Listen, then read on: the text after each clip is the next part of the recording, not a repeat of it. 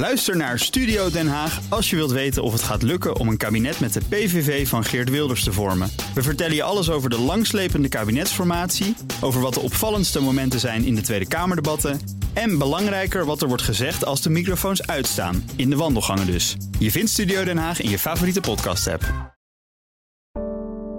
Een goedemorgen van het FD. Mijn naam is Hella Huuk en het is donderdag 20 april.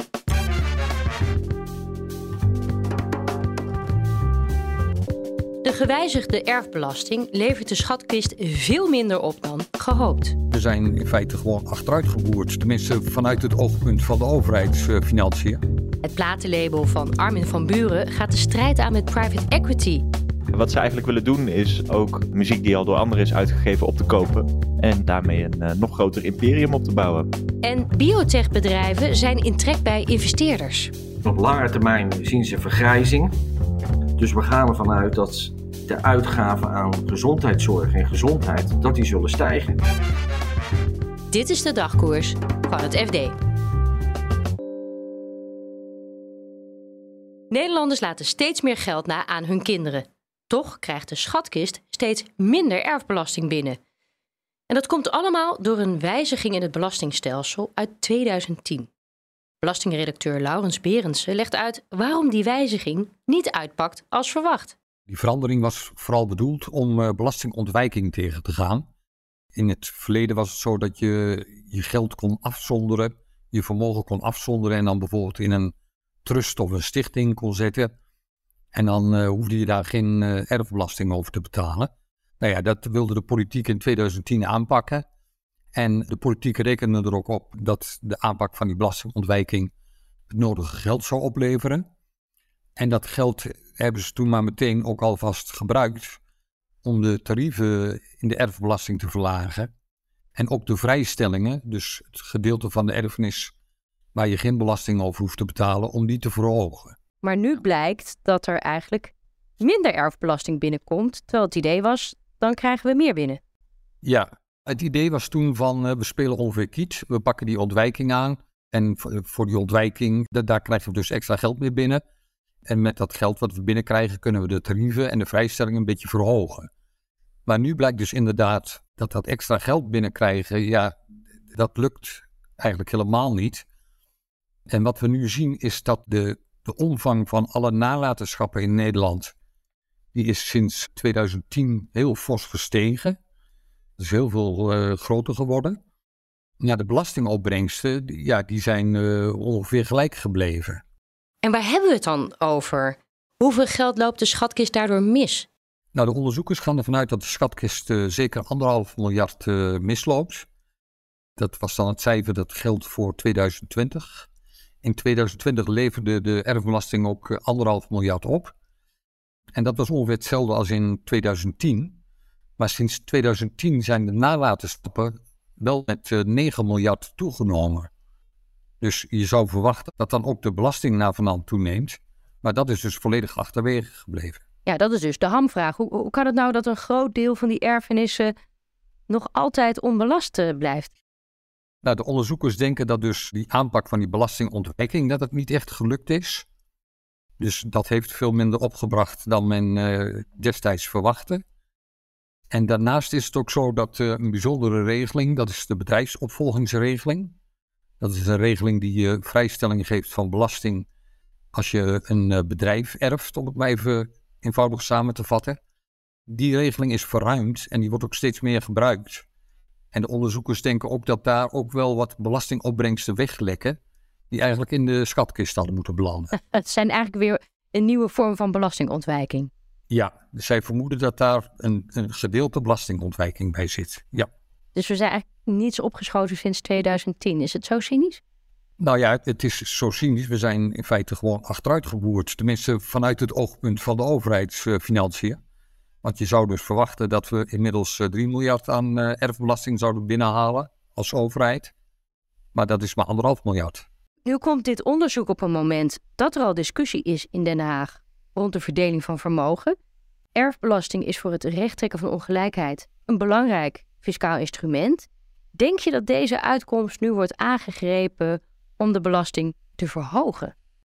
De linkse partijen zullen, zeker, uh, zullen dit onderzoek zeker aangrijpen om te stellen dat, uh, dat de erfbelasting omhoog kan.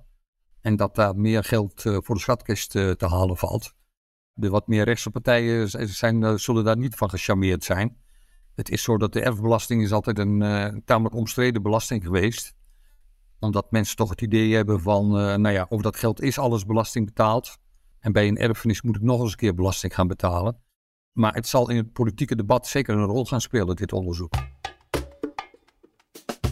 Armada Music, het platenlabel van onder meer Armin van Buren, wil de komende jaren honderden miljoenen gaan investeren in catalogie met dancemuziek.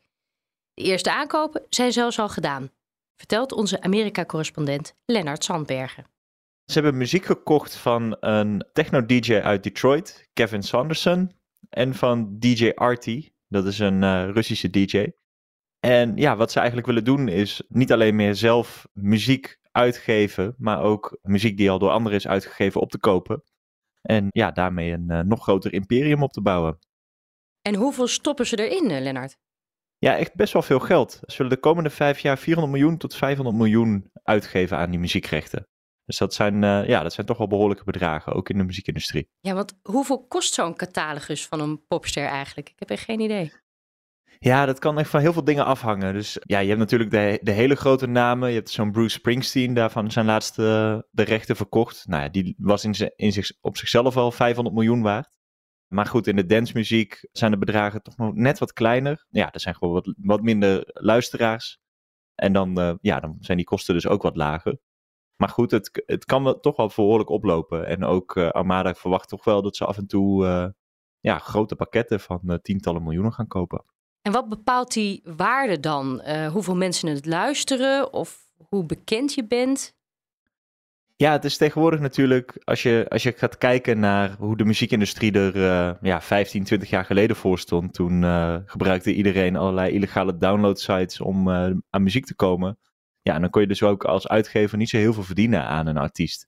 En dat is natuurlijk compleet veranderd met streaming, dus Spotify. Wat je nu hebt is dat als jij een artiest bent of een label bent, dan kan je precies zien van oké, dit nummer wordt zo vaak geluisterd door die en die groepen mensen in die landen. En nou ja, dan kan je dus ook heel precies voorspellen eigenlijk van nou ja, als het nu zoveel wordt geluisterd en het is nu een hit. Nou we hebben gezien bij de afgelopen 20 hits die wij hebben uitgegeven, dan wordt het volgend jaar wordt het, uh, 30% van, van wat het nu is geluisterd. En het jaar daarna 20%. En dan blijft het een beetje daarop hangen.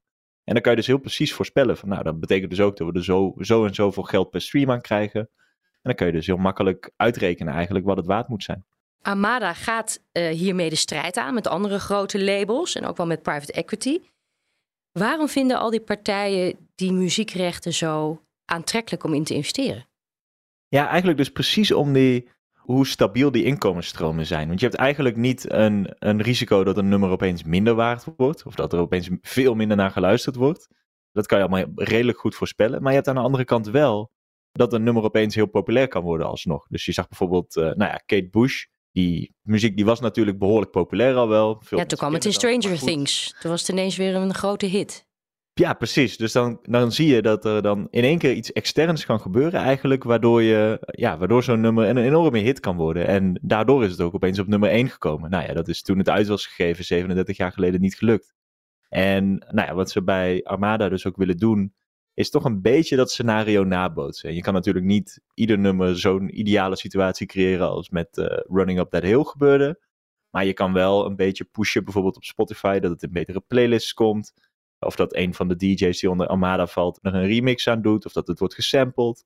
Dat het in een reclame komt. En ja, dan kan je er toch wel voor zorgen dat een nummer veel vaker wordt geluisterd. En dus dat je er meer geld aan verdient.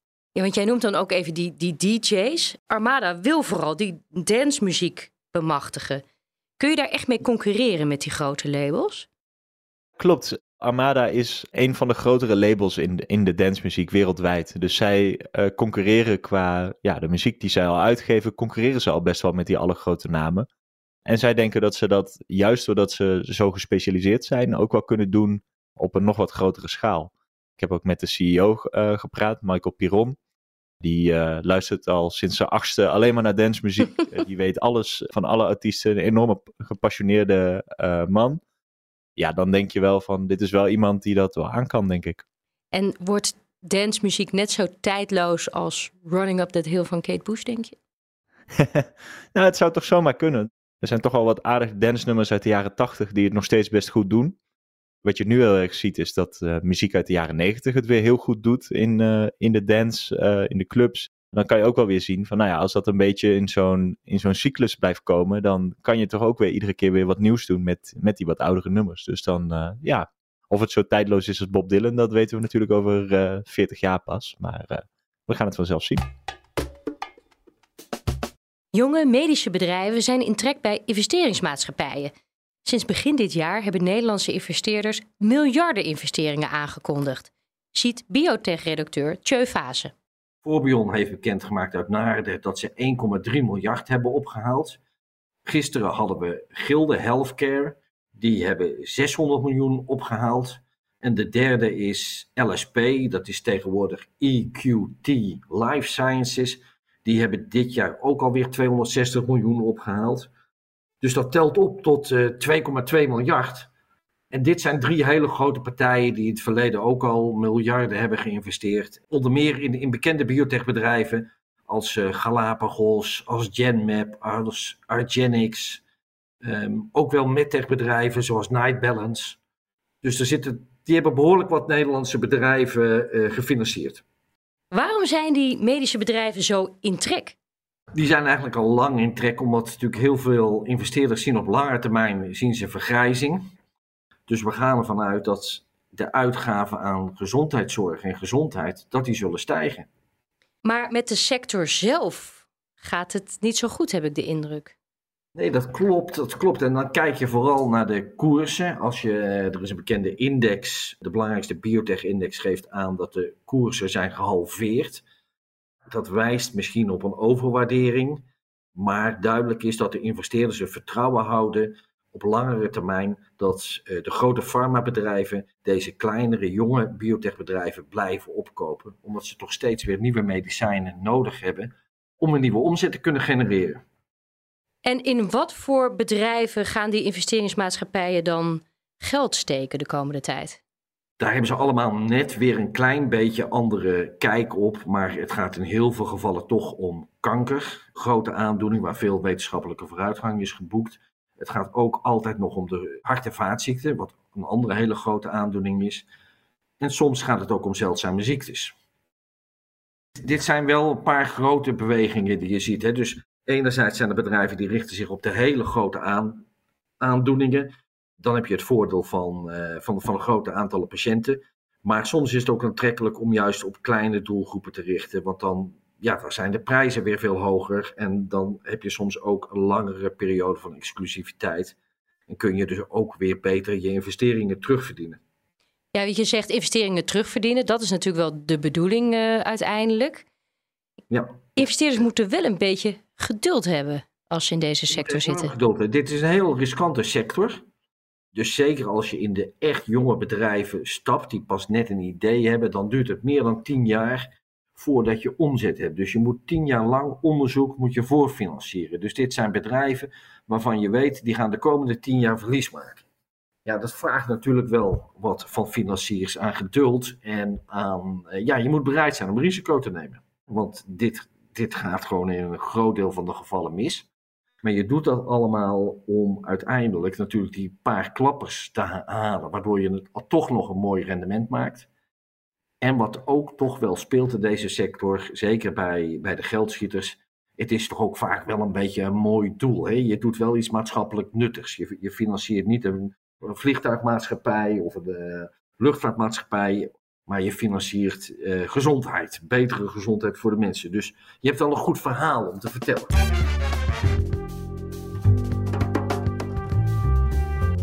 Dit was de dagkoers van het FD. Morgen zijn we er weer met een nieuwe aflevering. In de tussentijd lees je het laatste financieel-economische nieuws in onze app. Voor nu een hele fijne dag en graag tot morgen.